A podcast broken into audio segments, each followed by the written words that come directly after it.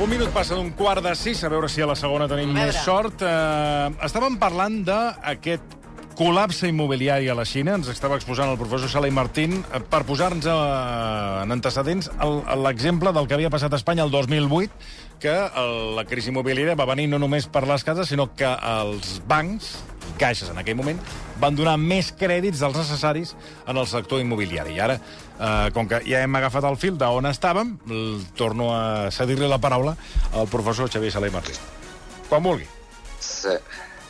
Em sembla que et, torno a sentir tallat, o sigui que tornarem a tenir problemes, crec. Bueno, jo, el sento, jo ara Eh, el sento a veure. perfectament.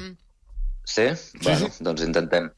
A veure, el, el tema és que durant molts anys a Espanya es van donar, el, els bancs i les caixes van donar molts crèdits, no necessàriament tots amb criteris de rendibilitat, eh, els projectes que serien capaços de retornar els calés als bancs, sinó que es van fer amb criteris polítics um, i uh, també amb criteris comercials. Va haver-hi una bombolla, molta gent que comprava, que, que eh, feia cases, eh, que les venia perquè pensava que pujarien de preu, aquestes empreses demanaven prestat. És a dir, que hi havia una gran eh, una gran massa de crèdits, no? de, de, de bancs i de caixes que donaven crèdits tant a empreses rendibles com empreses no rendibles, que al final tot va col col·lapsar perquè el, doncs es van acabar, va acabar construint masses coses, no? masses trens, masses aeroports, masses vivendes, massa de tot. Hi havia un excés d'oferta, que diem els economistes, que no es va poder vendre. Com que no es podia vendre, doncs tota aquella gent que va promocionar, que va construir, totes les empreses constructores, doncs no van poder tornar els crèdits i al final els que van acabar fent fallida van ser els bancs que els havien donat tots aquests crèdits en, el, en, aquest, en aquest sector. No? Doncs una mica està passant, o ha passat en, els darrers, en les darreres dècades el mateix a la Xina. Eh? En part eh, per criteris eh, comercials. Eh? Hi ha hagut moltíssima gent, centenars de milions de persones que han anat del camp cap a la ciutat, han emigrat i, per tant, necessitaven habitatges nous. Eh, en part per criteris polítics que el govern decidia allà on s'havia de eh, dirigir l'economia, eh, doncs eh, s'ha creat una bombolla similar a l'espanyola, on s'han anat construint no només habitatges, sinó tot tipus d'infraestructures. Eh, hi ha hagut unes empreses promotores que han demanat prestat amb uns bancs que eren semipúblics, igual que els, que els bancs espanyols. És a dir, que una mica s'ha creat el mateix que va passar a Espanya, però a lo bèstia, eh? multiplicat per mil, eh, molt més gran. I eh, doncs ara estem al, a la Xina, més o menys on Espanya estava l'any 2008, eh, que comença la, la, eh, la gent a donar-se de, doncs, que hi ha massa habitatges, de que no es vendran, que les empreses que promocionaven aquests habitatges faran fallida, que aquestes empreses eh, no tornaran els crèdits, que qui acabarà patant seran els bancs i això s'escamparà per tota l'economia, exactament igual que va passar a Espanya l'any 2008 i, i eh, doncs, eh, la, la primera senyals del que està passant això doncs, comencen a ser les grans promotores. Eh, dues de les promotores més grans del país doncs, ja han fet fallida tècnica, és a dir, que el valor de lo que tenen, eh, si, si, si ara mateix venguéssim tot el que tenen, totes les cases que tenen, els edificis, fins i tot les, els ordinadors, venguéssim tot, tot, tot el que tenen, no podrien pagar els deutes que han adquirit. És a dir, que estan en fallida tècnica. Uh, I la pregunta és si això acabarà, com va passar amb Espanya, doncs escampant-se no només en el sector immobiliari, sinó que tot això acabarà escampant-se en els bancs i, per tant, a la resta de l'economia, tal com va passar a Espanya i en, menor, en menor mesura a altres països com Estats Units i, i, i, i Europa, eh, a la, diguem, a l'any 2008 i anys subseqüents. No? I estem en aquesta situació. Per què la Xina és molt important? Uh, molt més important que Espanya? Doncs perquè gràcies a aquest procés de creixement que ha experimentat la, la Xina, com que han hagut de construir uh, centenars de milions d'habitatges i carreteres i ponts, etc etc, doncs han hagut de comprar materials no? A, a, a la resta del món. Han comprat coure a Xile, han comprat carbó a Mongòlia, han comprat... És a dir, tots els països que produïen han anat venent a la Xina i, per tant, a l'estela del creixement. La Xina han anat creixent i s'han anat beneficiant. Hi ha hagut molts països que, gràcies, en aquests darrers 20 anys, gràcies a aquest procés de creixement a la Xina, han estat beneficiats. I, per tant, si ara la Xina entra en una crisi, deixen de construir, aturen tot i, eh, entra en un procés que pot durar 5, 6, 7, 10 anys o 30 anys, com en el cas del Japó, perquè això ja ho vam veure també abans d'Espanya, ja ho havíem vist al Japó als anys 90 i van tenir una crisi que va durar 30 anys, doncs si tot això passa a la Xina, doncs, lògicament, es pot acabar encomanant doncs, a Xile, a Mongòlia i a tots els països que vivien a l'estela de la Xina. I és per això que és un problema potencialment gros i que hauríem d'anar vigilant en els propers mesos perquè eh, és potencialment no, per la resta del món. Clar, vostè ha dit, això pot tenir conseqüències catastròfiques per l'economia mundial. A, a, a, a quin nivell? A, a, com pot ser l'abast d'aquesta catàstrofe? Bé, doncs, eh, clar, tots els països que s'han casat, eh, molts països durant aquests anys han fet una cosa que, que és um, dedicar-se gairebé exclusivament a vendre a la Xina. És dir, la Xina s'ha dedicat a anar a països i dir, escolta, jo et compro tot, tota la producció de, de coure, d'alumini, de, de, de tungstè, de, de, de soja, això et compro per als, per als propers 40 anys, no? Um, i, i, i tots aquests països que s'han casat literalment amb, amb, el, amb, el, amb la possibilitat de progrés de la Xina, clar, depenen radicalment si la Xina els acaba pagant i acaba comprant el que que podrien vendre en, el, en les, en les Si s'arruïna i els seus tractes i deixa de comprar les matèries primeres o, o, o, o els productes alimentaris que aquests països pensaven que vendrien a la Xina, aquests països entraran en crisi. I n'hi ha... Eh? Uh, per exemple, tota Amèrica Llatina avui dia depèn més de la Xina que dels Estats Units si la Xina entra en una crisi, Amèrica Llatina, en general, gairebé tots els països, entrarien en una crisi profunda eh, i això tindria conseqüències col·laterals sobre d'altres països. Eh? Per exemple, eh, nosaltres a Catalunya no, no depenem directament de la Xina molt, però sí que depenem bastant del que passa a Alemanya. I Alemanya sí que depèn molt de la Xina. És a dir, molts dels automòbils que venen el, que venen els, els alemanys els venen a la Xina. Si la Xina entra en crisi, doncs Alemanya pot entrar en crisi i, per tant, de rebot nosaltres, que no depenem directament de la Xina. Per tant, eh, la Xina és un, és un país eh, gros, eh, de 1.400 milions de persones que no són molt riques, no tenen un nivell de poder adquisitiu com a Europa o com a Estats Units, però com que som tanta gent, eh, doncs representen una part molt important de l'economia mundial i, per tant, si la, una de les dues economies més grans del món comença a tenir problemes, doncs això arreu del món. Pot ser, una... pot ser eh? no, no, no estic ara predient una catàstrofe, però sí que estic dient, anem al tanto, anem vigilant, perquè, perquè la Xina pot acabar sent un problema per la resta del món ara mateix. Professor, vostè parlava de dues immobiliàries eh, que ja estan tenint greus problemes a la Xina. Són Evergrande, que és la promotora més endeutada del món, que va perdre, per exemple, en aquest primer semestre de l'any 4.000 milions d'euros, i l'altra promotora és Country Garden, que va perdre 6.240 milions d'euros. Eh, com ens deia, aquestes dues empreses ja estan en fallida tècnica. Aleshores, què hauria de passar perquè aquesta bombolla immobiliària que hi ha a la Xina acabi esclatant. Si aquests ja estan en fallida tècnica, o sigui, mm, mm, què ha de passar perquè això acabi patant i ens acabi afectant a tots? A veure, aquí hi ha un problema que pot ser més gran que no pas facin fallida aquestes empreses, que, que, que l'he mencionat abans, que és el problema de la japonització. Eh? És a dir, que una crisi eh, que eh, en un país com Estats Units eh, va durar eh, va durar sis mesos, eh, la crisi del 2007-2008 als Estats Units va durar menys d'un any, Europa va durar cinc anys, eh, fins a l'any 2013 eh, doncs la, la cosa es va anar arrossegant, al Japó va durar 30 anys. Eh.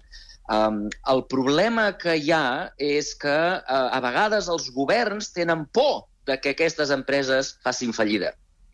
Si aquesta empresa Evergrande no, es fa fallida, hauria de tancar. Uh, si el govern la manté viva, eh, el que passa és que es, fa, uh, es, es converteix en una, en una mena de zombi, eh, que no és una empresa sana, és una empresa que simplement va sobrevivint, però no genera diners, eh, diguem, no creix, eh, es, va quedar, es va quedant allò estancat tot, es va, es va, es va eh, fent una, una corrupció de la resta de l'economia i això fa que les, les empreses no, diguem, que el país no, no creixi. Això és una mica el que va passar amb el sistema bancari eh, espanyol eh, durant molts anys. Recordeu que ara sí que si tanca Bankia, que si no tanca, que si la rescatem, que si no la rescatem, no? Els Estats Units van, van de seguida, amb, amb, amb el primer dia, bum, de, fa fallida un banc, tothom, ostres, ostres, que ha fet fallida un banc, què passa als Estats Units? Escolta'm, però el fa fallir del banc, eh, el, el govern té una política clara del que és el que s'ha de fer i, i s'arregla el problema. Um, aquí, doncs, allò que no, que no faci fallida, que l'absorbeixi, no? Que demanem a la Caixa que compri no sé quin banc de València perquè no facin fallida, que té pim, padam, i aleshores el problema és cronificant. Eh? Uh, el Japó van fer el mateix, va tenir una economia zombi durant 30 anys, i per tant aquí el problema pot ser que, el, que no arreglin el problema, eh? que uh, com ja sembla que està passant, el govern ajuda a Evergrande, que resulta que perquè no faci fallida, perquè clar, és que perdríem uh, no sé quanta gent, perdria la casa, no sé quanta gent, tot això és veritat, és veritat que, que, que s'ha d'ajudar aquesta gent, però si tu ajudes tenir viva una empresa que, està, que és un zombi, el que estàs doncs, matant l'economia durant molts anys. I, per tant, eh, el, el, el, el que hauria de fer, responent directament a la teva pregunta, és, és que fa fallida que aquesta empresa faci fallida. Si, no, si han fet les coses malament, si han invertit en coses que no donen rendibilitat, si no hi ha manera de recuperar eh, diners per poder pagar tots els deutes que tens, escolta'm, tanca la porta i comencem de nou, fem un altre, una, un altre banc, eh, perdona, una altra empresa promotora, eh, uns altres bancs, etc etc. Uh, a vegades intentar ajudar uh, a les empreses eh, acaba cronificant un problema i transformes un problema que duraria sis mesos en un problema que dura 30 anys. Canviem de tema. Parlem ara de Google, perquè aquest dimarts arranca, professor, a Washington el judici contra aquest gegant tecnològic, Google, que ho és tot, per presumptes pràctiques de monopoli. És eh, l'amenaça legal més gran a la que s'ha enfrontat mai aquesta empresa. Eh, no sé si ens pot explicar eh, de què s'acusa Google i quines dades hi ha en contra d'aquest gegant tecnològic. Sí, a veure, eh, això és molt difícil de saber perquè eh, sovint els fiscals, els que acusen a Google de pràctiques monopoliístiques, l'únic que diuen és, és escolta, és que el 90% del teu mercat perdona, el 90% del mercat, de, en aquest cas, cercadors, Google és una empresa que es dedica, com tots sabem, no? a, a cercar, a, a facilitar les cerques d'internet. Quan tu cosa, sovint ara ja no diem ni tan sols buscar, diem googlejar, no? Eh, busques una cosa a internet, doncs vas amb un aparell que et dona Google, una aplicació que et dona Google, que busca doncs, totes les pàgines web. Si busques, per exemple, l'empresa Evergrande, que mencionava abans, doncs et dirà totes les pàgines d'internet que busquen, eh, que, que parlen d'Evergrande i, a més, les posarà per ordre del que a ell li sembla que és el que tu estàs buscant, no? I això és una cosa molt útil en un moment en el que internet s'ha convertit en un mamut gegant amb tanta informació que no saps ni per on començar. No? Aquesta empresa, que va començar l'any 98, doncs va fer eh, un producte que era tan bo, tan bo, de fet, jo recordo el primer dia que vaig fer servir Google, eh? recordeu, abans de Google hi havia buscadors, sí. coses com eh, Yahoo, AltaVista, mm. WebCrawler, que, que era, un, era una, una tortura buscar, no? Buscaves una, una cosa, no sortia, eh? buscaves una paraula, no sortia el que tu buscaves, llavors canviaves l'ordre, no? Hi havia gent que s'especialitzava en, en, en, en donar-li les instruccions exactes perquè t'aparegués la pàgina que tu volies. Era una tortura. I el dia que va aparèixer Google, màgicament jo vaig sentir una, una cosa màgica, no? Vas dir, ostres, pum, uh, poses una paraula i màgicament t'apareix la pàgina que estàs buscant, a la primera. Uh, L'experiència de, Google, de, de, de fer servir Google el primer dia va ser tan bèstia que, que suposo que molta gent ho va sentir perquè immediatament van, tothom va començar a passar-se de les altres aplicacions a Google, a Google, a Google, fins al punt que avui dia el 90% de les cerques que es fan a internet, les fem entre tots al món, les fem a Google. Eh? Hi ha altres empreses, hi ha el Bing de Microsoft que fa el mateix, hi ha altres empreses, però clarament Google domina aquest mercat. Val? I aleshores, sabeu que als Estats Units i a la major part de països, a Europa també, doncs hi ha uns, una, unes institucions que eh, persegueixen els monopolis. Eh? Els monopolis són dolents, Eh? Si, si només hi ha una, un, una fleca al teu poble, doncs el flequer s'aprofita i, i fa que el pa sigui molt més car. Eh? Eh, la raó que fa que el pa sigui barat i que el pa sigui la qualitat que, que ha de tenir, etc etc. i quan dic pa dic qualsevol producte, és la possibilitat de que hi hagi competència. Si tu, si aquesta fleca no et dona el pa amb la suficient qualitat, tu simplement agafes i te'n vas a la competència. Eh? I a la competència entre ells farà que el pa sigui de la qualitat que volen els clients. Eh? Si no hi ha competència, doncs l'empresa abusa del seu poder, puja els preus, baixa la qualitat, et tracta malament, etc etc. I això, que és veritat, que ho sabem tots, doncs és una cosa que els governs intenten promoure a través de diferents institucions de, de, que busquen la competència o eh, que eh, persegueixen els monopolis. Val? Doncs els tribunals, bueno, els, els eh, fiscals dels Estats Units diuen, escolta'm, eh, aquest mercat de les cerques d'internet està dominat per Google i Google utilitza aquest monopoli, aquest, que no és ben bé un monopoli, eh? he dit un 90%, però hi ha un altre gegant com Microsoft que té una eina que és competència. Doncs eh, què diuen els fiscals? Que utilitza el seu poder per, uh, uh, per, per abusar dels clients. Eh? I com diuen els fiscals que utilitza aquest poder per abusar dels clients? Doncs diuen, concretament, que van pagar a empreses com Apple, per exemple, que són els que venen els telèfons, uh, diuen, escolta'm, doncs uh, Apple, el, uh, jo et pago, jo, Google, pago a Apple perquè el cercador que apareix uh, en el telèfon, quan tu obres el telèfon d'Apple, obres el teu iPhone, eh, el cercador que t'apareix allà sigui el de Google. Val? Uh, i, I acusen concretament el Google de pagar calés a Apple perquè, uh, per abusar del poder per, per, perquè, per, perquè posin el cercador de Google mm. a tots els iPhones, els milions i milions d'iPhones que, que es fan servir al món. Uh, és això un abús de poder? Doncs no sé, ja ho dirà el jutge. Jo, la meva opinió és que no la meva opinió, això és, això és que saps que en els supermercats, per exemple, eh, saps que les empreses paguen per posar els seus productes, que els seus mm. productes estiguin en el supermercat a l'alçada de la vista.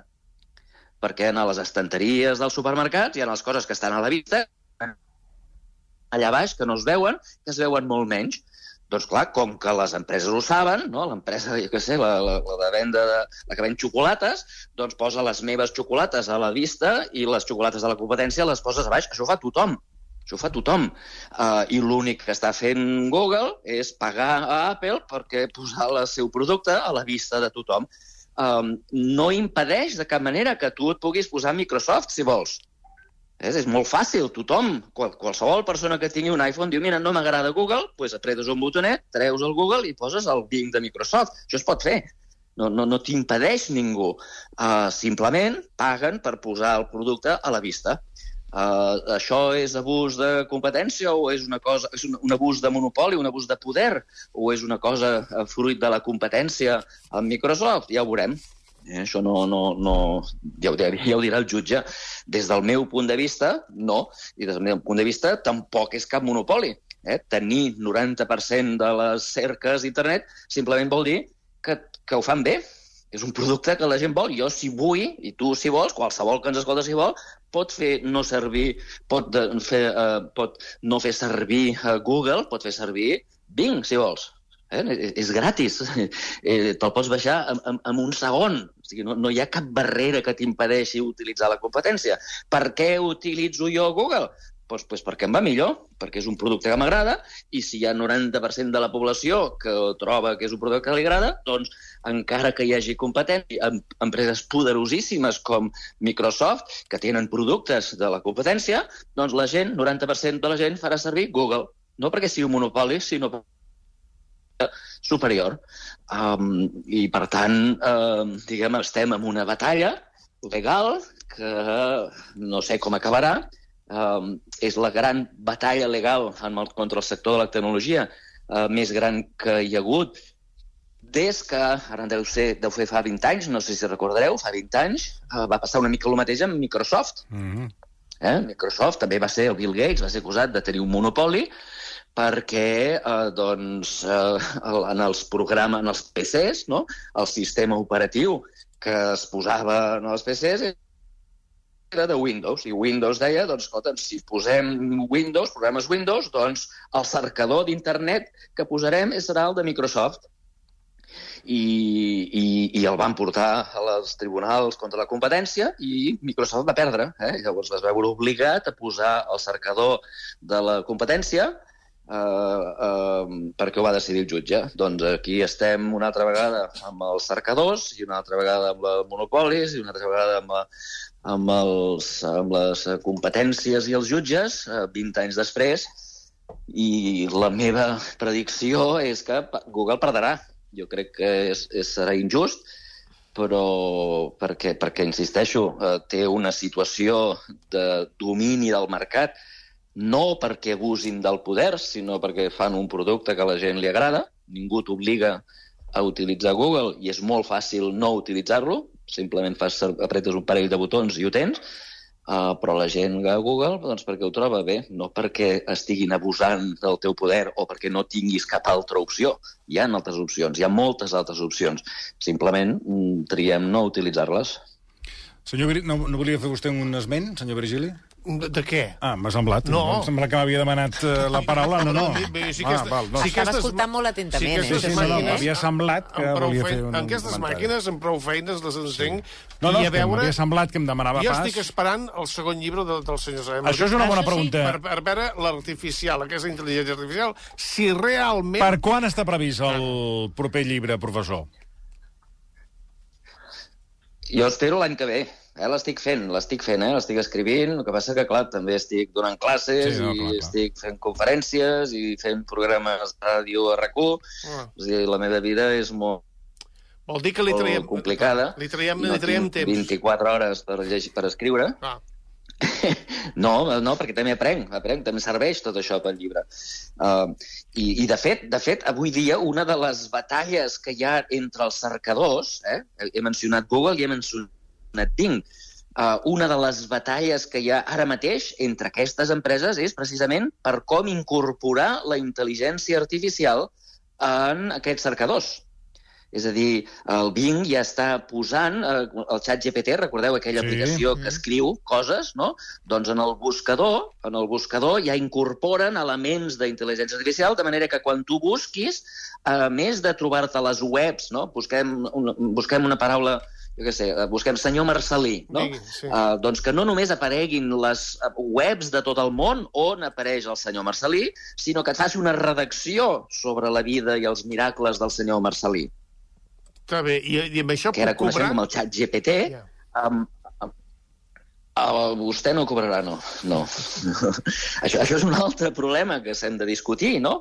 que és que entre els textos que s'utilitzen per entrenar la intel·ligència artificial uh, hi haurà textos que ha escrit el senyor Marcelí. No sé si ha escrit algun llibre vostè. Dos. o, Dos, o, o, els, o, els, Dos. els monòlegs, els monòlegs que vostè fa eh, amb el senyor Boigues, eh, tot això, que si, si algú es transcriu i està a internet, aleshores es fa servir, totes aquestes dades es fan servir per alimentar la intel·ligència artificial, perquè la intel·ligència artificial aprengui. I aleshores la pregunta legal que algun dia ens haurem de formular, que ara no ens la formulem, però algun dia ens l'haurem de formular, és si eh, Microsoft o Google utilitzen els textos del senyor Marcelí per aprendre i aquesta màquina que ha pres guanya calés, no hauria el senyor Marcelí de cobrar? Ara. Eh? Uh, hauria de cobrar una part proporcional perquè ell, amb els seus textos, ha contribuït a entrenar la intel·ligència artificial. Uh, ara mateix la resposta és no. Eh? La resposta del senyor Marcelí no cobrarà res. Però això és només una llei. Les lleis poden canviar. A lo millor ens n'adonarem algun dia de que la propietat intel·lectual del senyor Marcelí eh, sobre els textos que utilitza Microsoft per entrenar la seva màquina doncs haurien de ser recompensats. Uh, quan canvi la llei, aleshores, senyor Salí, vostè cobrarà. Ara mateix, amb les lleis que hi ha, vostè no veurà ni un duro. Oh, estupendo, com sempre. Però bé, ja no ve d'aquí. Professor, una vegada més, moltíssimes, moltíssimes gràcies. Un plaer. Gràcies per acompanyar-nos una Gràcies temporada a més. vosaltres. Gràcies. Xavier Sala i Martín, des de Nova York, avui amb alguna dificultat eh, de, de, de, de, de comunicació. Intel·ligència. Eh, però la intel·ligència artificial, tard o Ho- ho d'hora. Això ens ho arreglarà.